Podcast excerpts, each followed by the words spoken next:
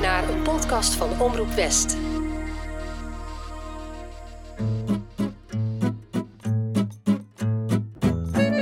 Bonjour, mijn naam is Tess en leuk dat je luistert naar Enchanté, de chanson podcast. Dit is aflevering 5. Vaders en moeders. Bedankt. Merci voor alle lieve, leuke reacties weer na de vorige aflevering. En voor al jullie suggesties. Want er zijn nog veel meer verhalen te vertellen dan ik me ooit had kunnen voorstellen. In deze aflevering staan vaders en moeders centraal. Moeders die onvoorwaardelijke liefde geven, die de hele familie bij elkaar houden, maar ook moeders die net een beetje anders zijn dan de meeste anderen. En vaders in alle soorten en maten. Of het nu iemand vol vrolijke energie is, die met je ging voetballen of je op de schouders nam, of iemand die zich lastig liet doorgronden. Iemand die je misschien zelfs helemaal niet kende. Deze aflevering gaat dus ook over gemis. Gemis, vergeving en vooral liefde. Vous êtes prêts? Bien, c'est parti!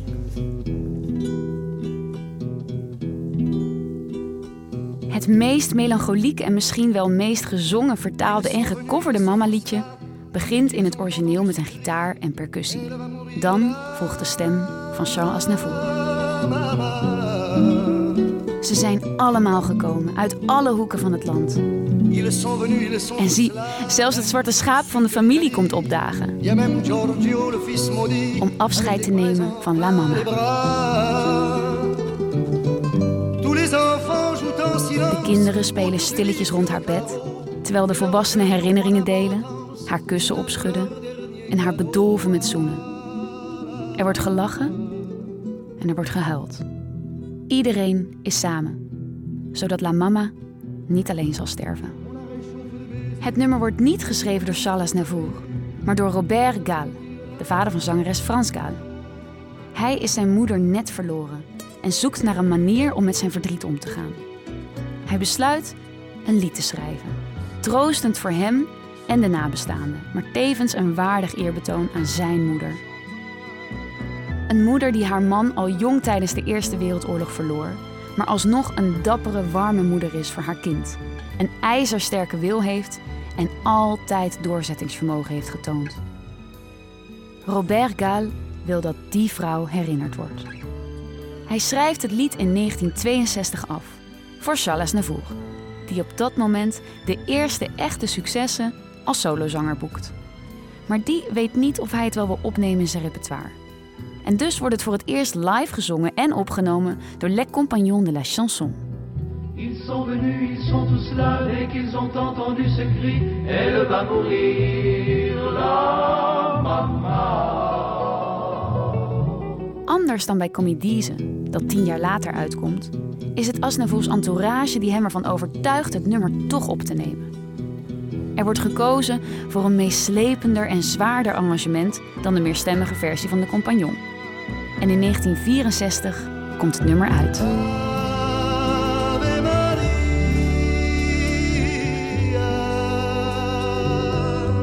Het is al gauw een reusachtig succes. Ook Frans Gall heeft dan als piepjong meisje toevalligerwijs haar eerste hits, waaronder het nummer Sacré Charlemagne. Sacré Charlemagne. Ook deels geschreven door haar vader. Ze prijkt op de cover van Dagblad François, die kopt Frans Gall, de dochter van La Mama's papa. Papa qui, qui était chanteur, maintenant qui est auteur, qui a, qui a le premier prix de conservatoire. euh, Binnen de kortste keren gaat La Mama de hele wereld over. Aznavour neemt het op in verschillende talen, waaronder het Engels, She said, My son, I beg of you, I have a wish that must come true. het Duits, alle, alle Roma und Napoli. het Italiaans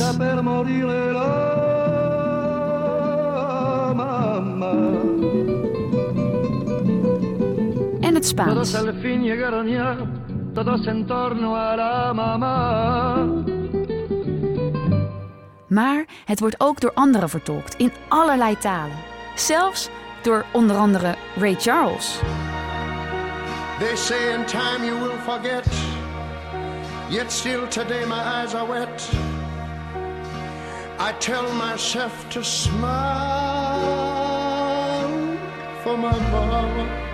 Door de jaren heen is het nummer door veel artiesten gecoverd en bewerkt. En daar kwamen schitterende versies uit. Maar soms ook hele rare versies.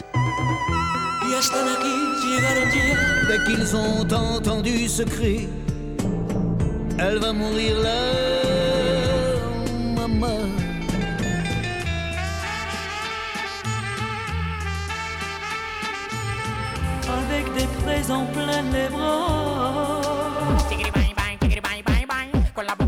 Pa' tu. Con la boca lleva pa' tu.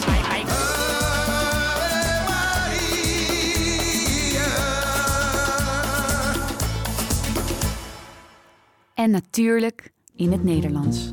Zij is zigeuner koningin. Zij heeft de trots van een vorstin. En toch zegt iedereen... La mama. Is de moeder wijs en goed. Van kinderen met zigeunerbloed. En ook haar onderdanen zijn verstrooid als zand in de woestijn. in de woestijn. In 1997 worden Asnavour en Frans Gaal opgetrommeld om La Mama als duet te zingen in een televisieprogramma. Zij als kleindochter van de enige echte La Mama, de dochter van de schrijver van het lied. En hij als de man die het lied met zijn stem en interpretatie groot heeft gemaakt.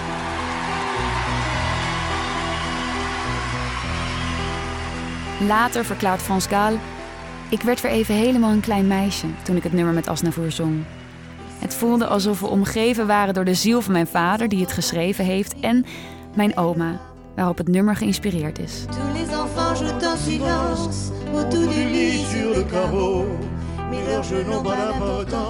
La Mama is absoluut La Mama van alle mama-liedjes. En nooit, nooit zal ze ons verlaten.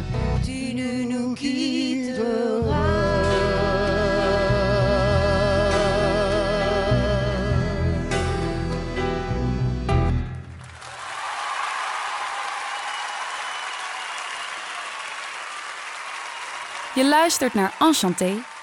Dit is aflevering nummer 5. Vaders en moeders. Grootmoeders met blauwe ogen hebben in Frankrijk hun eigen liedje, Mamie Blue. Mamie is een veelgebruikte koosnaam voor oma's. Maar het verhaal achter het bekende Mamie Blue van Nicoletta is in eerste instantie helemaal niet gebaseerd op een grootmoeder, maar op een moeder, een mammy in het Engels. Oh En wel de geestelijk gehandicapte moeder van de zangeres.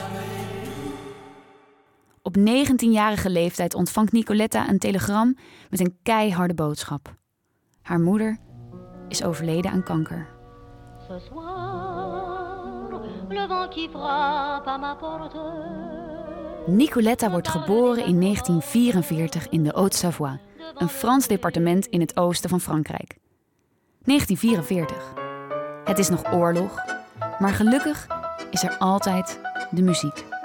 Van Edith Piaf, Emporté par la foule qui nous traîne. Tino Rossi. Maurice Chevalier en Lucienne Boyer, die in dat jaar de allereerste is die de chansonklassieker en jazzstandard Que reste-t-il de nos amours zingt. Que de De komst van Nicoletta is alles behalve gepland of gewenst. Haar moeder heeft een verstandelijke beperking en is zwanger geworden zonder dat dit haar keuze was. Ja, ik denk dat je de conclusie zelf wel kunt trekken. De vader, een dorpsgenoot en een eikel, wil het kind niet erkennen. Nicoletta wordt grootgebracht door haar grootmoeder, die bij haar geboorte nog maar 39 jaar oud is en zomaar haar moeder had kunnen zijn. Dankzij haar leert Nicoletta een liefde voor muziek ontwikkelen. Katholiek als ze is, voegt ze zich bij het parochiekoor. Al gauw krijgt ze regionale bekendheid, ook als soliste. Als ze wat ouder is, leert ze de blues en de gospel kennen. En ze laat haar moeder en grootmoeder achter om in Parijs haar droom als zangeres na te jagen. Daar heeft ze een moeizame start. Niet alles gaat vanzelf in het Parijs van de jaren 60. Op haar zeventiende begint ze als DJ te werken in de clubs van Saint-Germain-des-Prés. Daar wordt haar muzikale talent ontdekt. Onder andere door de artistiek directeur van het Franse platenlabel Barclay.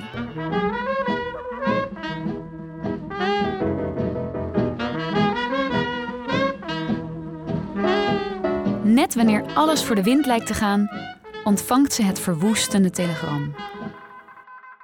Uit een uitzonderlijk bondige zin, typerend voor het telegram, maakt de zangeres op dat ze geen moeder meer heeft. Pas jaren later praat ze over deze traumatische ervaring en over het verlies en het verdriet. Het is haar producer die ze in vertrouwen neemt. En die deelt deze ervaring vervolgens weer met componist Hubert Giraud. Die schrijft Mami Blue. In eerste instantie weigert Nicoletta te zingen. Het is te rauw en te persoonlijk. En daarom wordt het eerst nog door andere artiesten in het Engels en in het Italiaans uitgebracht. Oh, Mami. Oh, Mami, Mami Ging im Zorn eins von dir fort. Who wandered off at 21.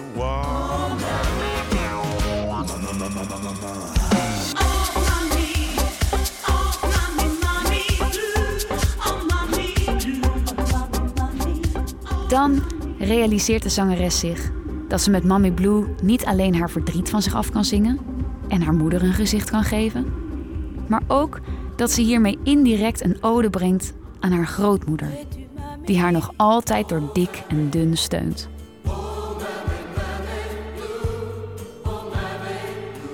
Ze gaat overstag. Een keuze waarmee ze zichzelf voor goed op de chansonkaart zet. Zelfs vandaag de dag krijgt Nicoletta van jongeren nog altijd te horen dat Mami Blue het eerste liedje was dat ze leerde zingen, speciaal voor een oma. Dat het eigenlijk helemaal niet gaat over een oma, is niet belangrijk. Sterker nog, zelfs de grootmoeder van Nicoletta denkt aanvankelijk dat het over haar gaat. Ja, dankjewel voor dat liedje, maar ik ben nog niet dood, hè? grapt ze. Nee, Mami Blue gaat in eerste instantie over de moeder.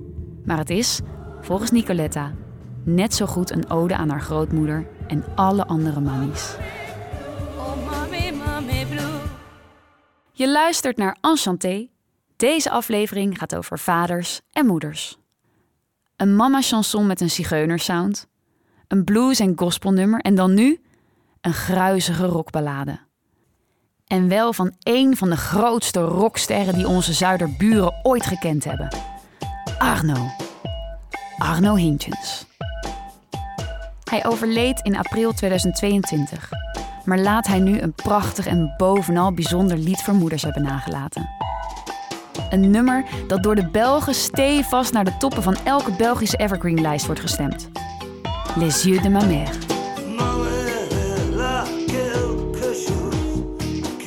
Arno Hintjes groeit op in Oostende en wordt als kind vreselijk gepest.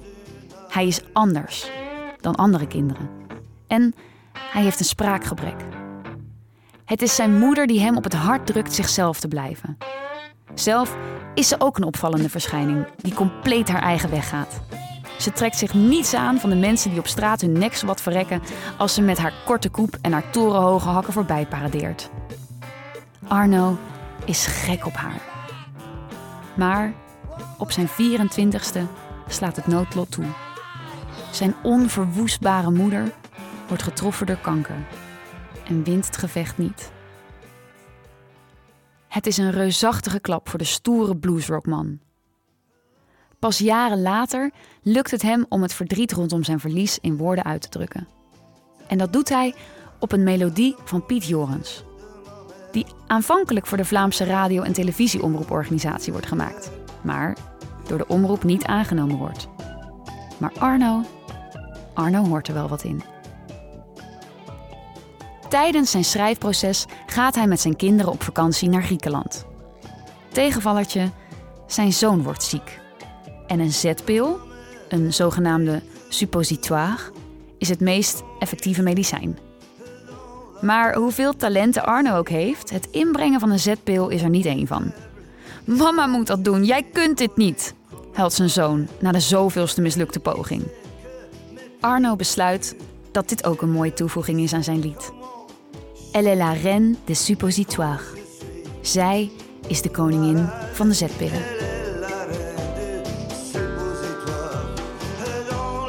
Wanneer hij het nummer als een van de eerste keren ten gehore brengt in Brussel, valt plots de elektriciteit uit.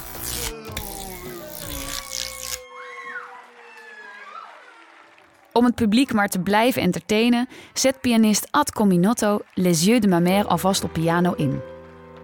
Het is op dat moment dat Arnaud zich realiseert dat het nummer helemaal geen gitaar en drums nodig heeft, maar gestript van alle poespas het allermooist is. Een lied over een stoere moeder, van een stoere vent met een klein hartje, die zich de lichtjes in haar ogen, haar strelende handen en zelfs haar okselgeur herinnert. Ma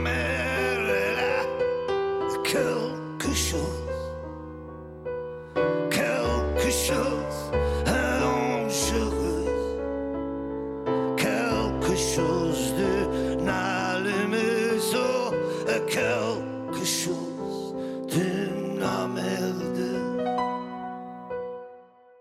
Door met de verhalen over vaders en moeders. Dat een chanson over één onderwerp op honderden manieren kan worden geïnterpreteerd en beleefd, bewijst een van de mooiste odes aan vaders in het Franstalige chanson. Het aangrijpende Mon Vieux. Een lied waarin een stukje van elke vader schuilt. Dans son vieux par-dessus râpé, il s'en allait l'hiver, l'été, dans le petit matin frileux. Mon vieux, In 1962 is tekstschrijfster en singer-songwriter Michelle Sanlis lekker bezig. Ze heeft al met succes liedteksten geschreven voor onder andere Edith Piaf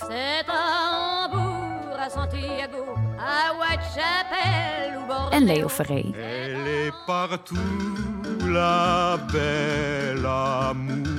En is net bezig met het schrijven van liedjes voor Yves Montand.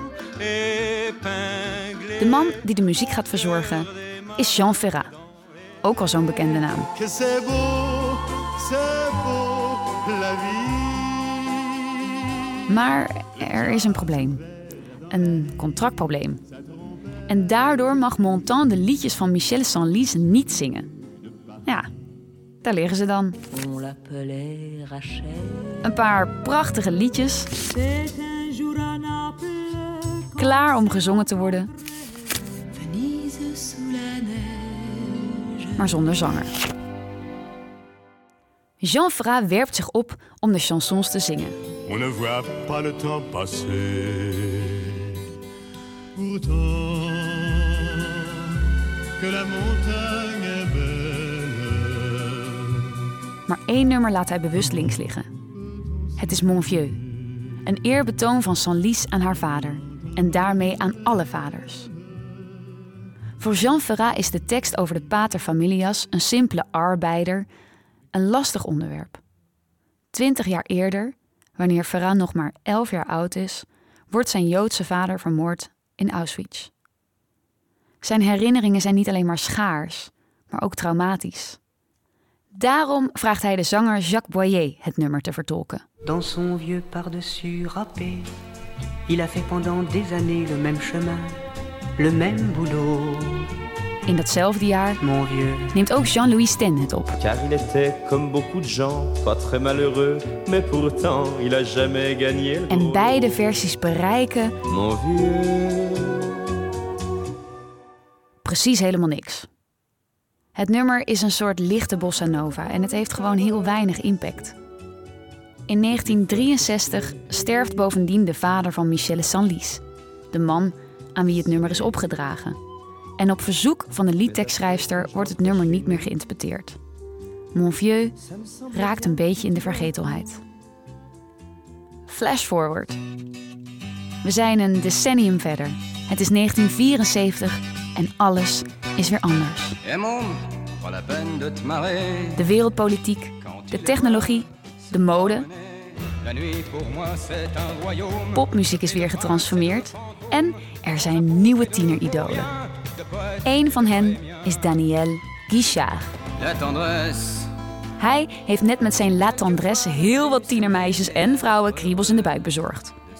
Deze nieuwe lieveling krijgt heel wat liedjes aangeboden. Iedereen wil met hem werken. Zo ook muziekuitgever Gérard Meis, die nauw samenwerkt met Jean Ferrat. Hij legt de jonge Daniel het liedje Mon Vieux voor.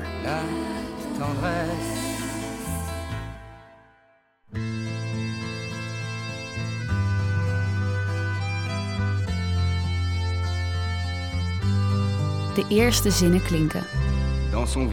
In zijn versleten oude overjas, winter, zomer, in de kille, vroege ochtend. Mijn ouwe. En besloten in die zinnen ziet Daniel Guichard, op dat moment een middentwintiger, zijn vader voor zich, die hij op 15-jarige leeftijd al verloor. Hij wil het graag zingen, maar onder de voorwaarde dat hij dan wel wat zinnen mag aanpassen, om het wat persoonlijker en autobiografischer te maken. Dat is iets wat tekstschrijfster Sanlis hem daarna niet in dank zal afnemen. Maar feit is, deze versie bereikt het grote publiek wel. En hoe? In heel Frankrijk en daarbuiten spreekt het mensen aan. Daniel Guichard bezingt namelijk niet alleen zijn eigen vader, maar ook die van duizenden, misschien wel miljoenen anderen. Hij beschrijft een simpele maar hardwerkende arbeider, een man van de oude stempel die ochtends vroeg de bus naar werk pakt en s'avonds laat weer thuis komt. Een man die enkel op zondag vrij is en die deze dag vervolgens grotendeels zwijgend doorbrengt.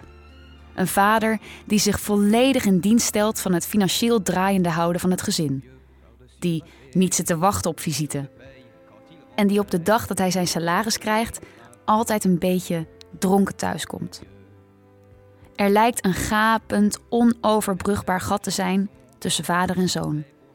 Laatstgenoemde ontvlucht soms zelfs het huis. En als het gezin dan eens op vakantie gaat, dan is het niet slecht, maar het is ook zeker niet paradijselijk.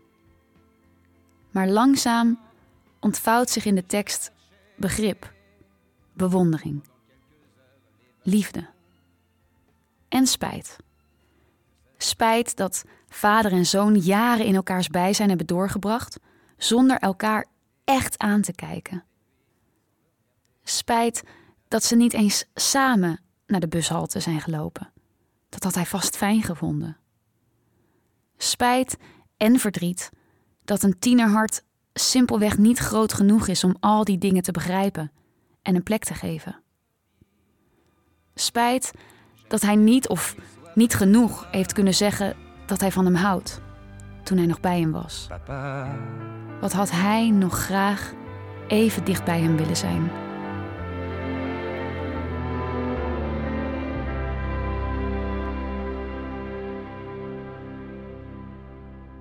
Door met de verhalen over vaders en moeders. Je vader verliezen op jonge of latere leeftijd blijft verdrietig. Maar wat als je nooit echt een vader hebt gehad? Of als hij er nooit was? Daarover gaat dit nummer. Een best recent nummer ook. Papa van Stromae. Dites-moi d'où il vient, enfin je saurai où je vais. Maman dit que lorsqu'on cherche bien, on finit toujours par trouver. Stromae, oftewel Paul van Haver, wordt in 1985 geboren in Etterbeek, Brussel. Als een van de vijf kinderen van een Rwandese vader en een Belgische moeder. Al op jonge leeftijd raakt hij geïnteresseerd in muziek. Hij speelt keyboard en synthesizer hij rapt en zingt En hij schrijft zelf nummers. Ken je die voorspeelavonden die muziekleraren organiseren voor hun leerlingen? Waarbij vaders en moeders en broertjes en zussen en soms zelfs opa's en oma's de toehoorders zijn? Ik stel me zo voor dat Stromae daar op jonge leeftijd ook aan meedeed. Alleen zat zijn vader niet op een van de klapstoeltjes in het publiek. En ook zijn vervolgstappen in zijn muzikale carrière heeft hij nooit met hem kunnen delen. Zijn vader wordt namelijk vermoord tijdens de Rwandese genocide in 1994. Stromae is dan nog maar negen jaar oud.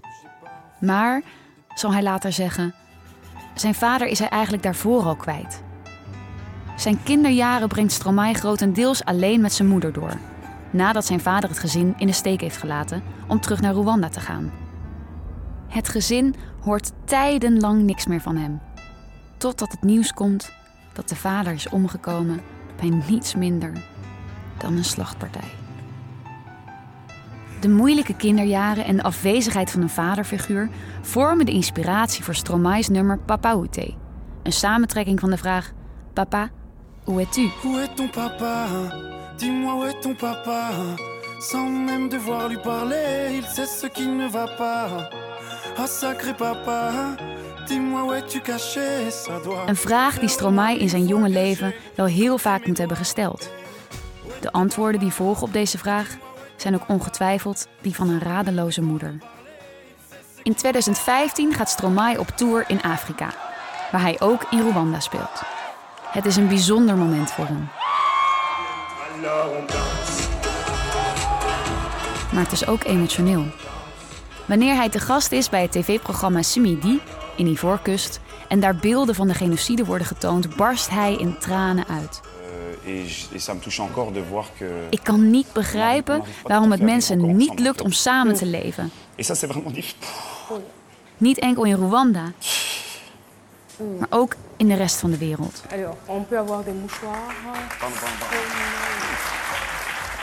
Het lijkt alsof de tour in Afrika hem dichter bij zijn vader heeft gebracht. Alsof hij nu meer vrede kan hebben met het feit dat zijn vader niet meer in België wilde blijven, maar voelde dat hij terug moest naar zijn thuisland. Nadat Stromae op 17 oktober 2015 Papa Oute voor het eerst live ten gehore heeft gebracht voor het Rwandese publiek, spreekt hij zijn publiek nog even toe. Hij heeft het nummer opgedragen aan zijn vader, zegt hij. En voor het eerst in zijn muziekcarrière bedankt hij hem. Merci papa. Merci papa Oh merci papa Merci papa, merci papa Je luistert naar Enchanté. Deze aflevering gaat over vaders en moeders. De meeste vaders zijn beschermheren, zoals de mijne. Bijvoorbeeld toen we op vakantie waren op Vlieland en ik als zevenjarige enthousiasteling te hard van een heuvel affietste. De remmen weigerden dienst en ik viel met een noodgang op het grind, schuurde een paar meter naar beneden. Papa raakte niet in paniek, maar stelde me gerust en hield me vast, terwijl hij het zojuist gekochte waterijsje tegen mijn kapotte gebit aandrukte. Toen ik daarna bang was geworden van mijn eigen gehavende gezicht, plakte hij alle spiegels in het vakantiehuisje af. Maar zei hij wel dat ik alsnog de allermooiste was. Hoi pap, Hoi. het is vaderdag. Is vaderdag? Ja. En wat heb je voor mij? Dit. Nou, ik wil het wel eens horen. Lieve papa, ik heb wel honderd lachjes. Die strooi ik in het rond. En ik zie hem nog argwanend naar buiten kijken toen ik op mijn veertiende door mijn 16-jarige vriendje werd opgehaald op zijn brommer. En zelfs toen ik dik in de twintig was, kwam hij mij liever ergens ophalen dan dat ik met de fiets naar huis moest. Mijn vader wil me nog altijd het allerliefst behoeden voor fouten. En hij maakt zich soms zorgen. Maar hij laat me ook los. Los om mijn eigen leven te leiden. Hij belt me soms zomaar even om te vragen hoe het gaat. En ik, ik koester die momenten. Maar wat als je vader nou juist precies het tegenovergestelde is van een beschermheer? Wat als je vader de persoon is waar je bang voor bent? Ik kan me er niets bij voorstellen. Ik wil me er niets bij voorstellen. Maar voor sommige kinderen is het helaas de realiteit. Zoals voor een van Frankrijks meest geliefde zangeressen, Barbara.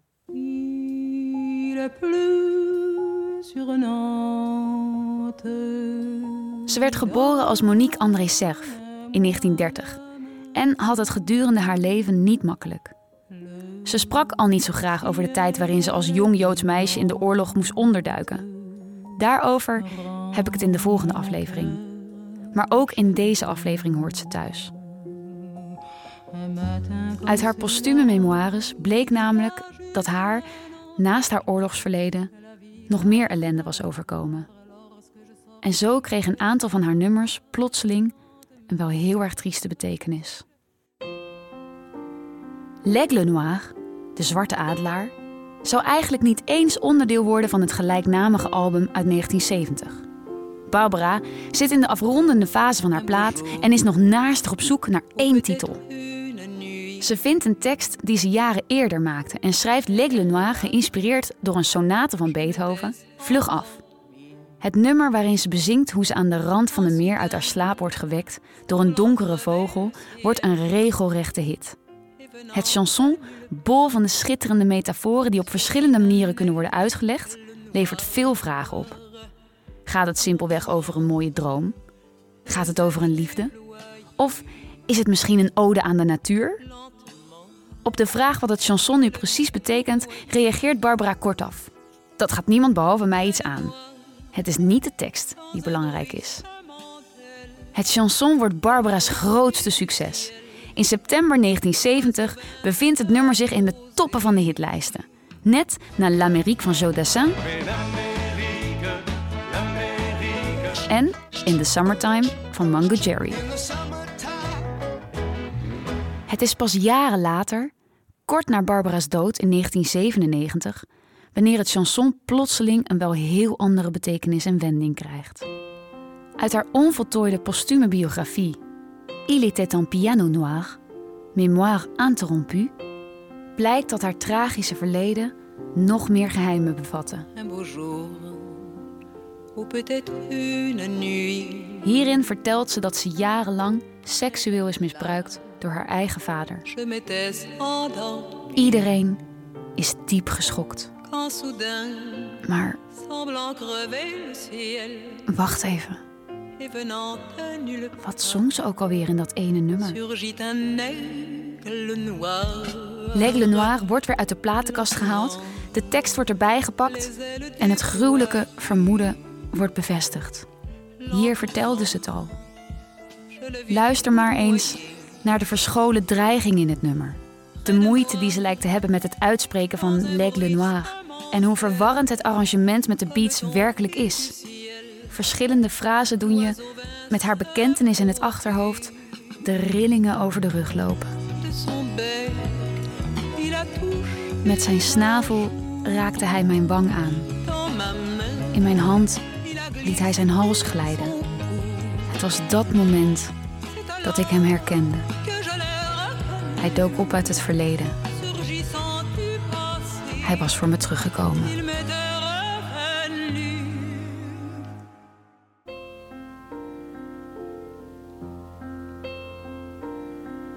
Een ander chanson van Barbara krijgt door haar memoires ook een extra lading. Het gaat om Nantes, een chanson uit 1964, waaraan Barbara vier jaar heeft gewerkt. En wat ook als een van haar meesterwerk wordt beschouwd. Ze beschrijft erin hoe haar via de telefoon wordt gemeld dat haar vader op sterven ligt. Haar vader, die het gezin verliet toen zij amper 19 was en vervolgens door het land zwierf. Ze heeft hem al tijden niet gezien of gesproken. Toch spoedt ze naar de fictieve Rue de la Grand Jolou in Nantes, waar hij zijn laatste uren in een ziekenhuis slijt. Als ze eindelijk arriveert en de kamer aan het einde van de gang binnenstapt, staan daar vier mannen in zwarte zondagse kleding. Ze weet onmiddellijk dat ze te laat is. Niet alleen te laat om haar vader nog een laatste keer te zien en te spreken, maar ook te laat voor hem om vergiffenis te vragen. en te laat voor haar om het hem te schenken. Op het moment dat Barbara er eindelijk klaar voor is om haar tragische verleden te delen, waarmee ze mogelijk een deel van de zware last van haar schouders kan laten glijden, haalt haar eigen dood haar in. Ze overlijdt op 24 november 1997 aan ademhalingsproblemen. In 1998 wordt haar biografie uitgebracht en komen haar geheimen, die ze zo lang alleen met zich mee moest dragen, aan het licht. Ze geven haar chansons nog meer betekenis, nog meer diepte. Ik vind het ongelooflijk hoe iemand zoveel verdriet, angst, pijn, lelijkheid kan transformeren in zoiets schitterends. Ik hoop alleen dat zij het ook enigszins zo heeft kunnen ervaren.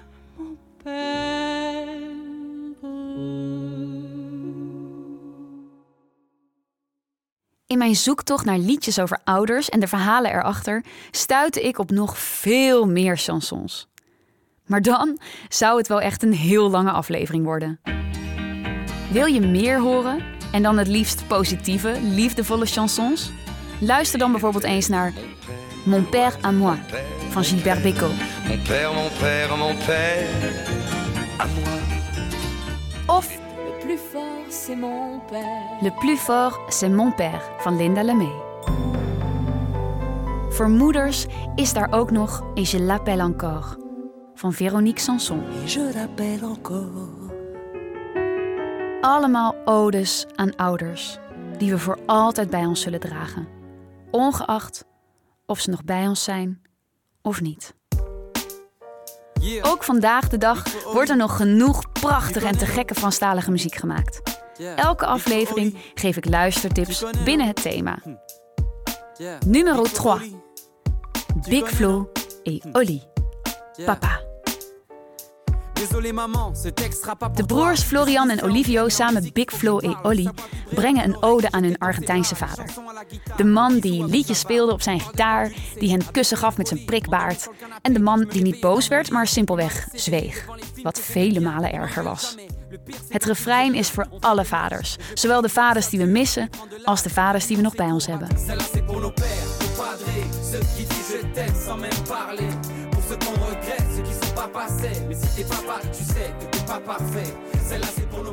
Numero 2. Beris, Mama. Goede Franstalige muziek komt lang niet alleen uit Frankrijk, maar ook uit Canada. Singer-songwriter Beris, die normaal gesproken in het Engels zingt, presenteerde in 2017 haar allereerste Franstalige nummer. Dat ze opdroeg aan haar moeder. Een schitterend intiem liedje met een weemoedig randje. Een wegdromer in de beste zin van het woord. Numero 1. Angelina en Patrick Fiori. Sur les épaules de mon père. Een van de leukste dingen aan kind zijn vond ik vroeger altijd om op papa's schouders te zitten. Vanaf daar had je altijd het beste uitzicht, vliegend tussen de menigte door. En het was ook een soort toevluchtsoord en de perfecte plek om je te oriënteren. Precies daarover zingt Angelina, de winnares van de Franse versie van The Voice in 2017, samen met zanger Patrick Fiori. Een heerlijk liedje over één van de grootste voordelen van een klein kind zijn.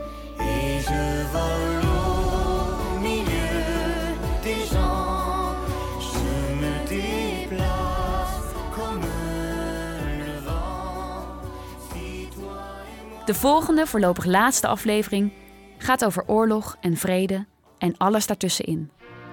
Een onderwerp dat in onze wereld helaas altijd en elke dag actueel is. We horen onder andere Maurice Chevalier.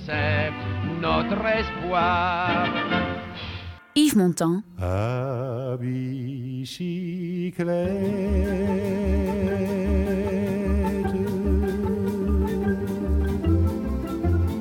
maar ook een zanger van Haagse afkomst die succesvol werd in Frankrijk.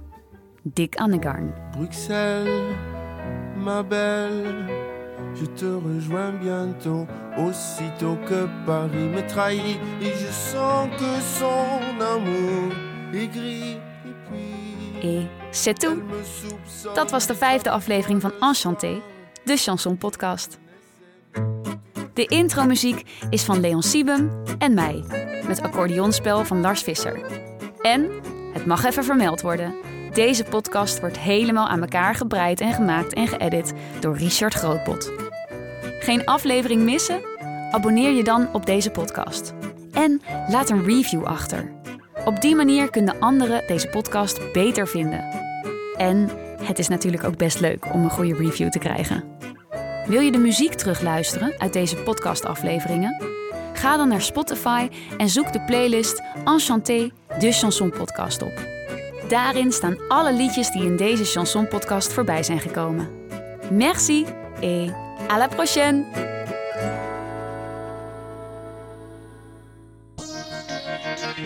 Dit was een podcast van Omroep West.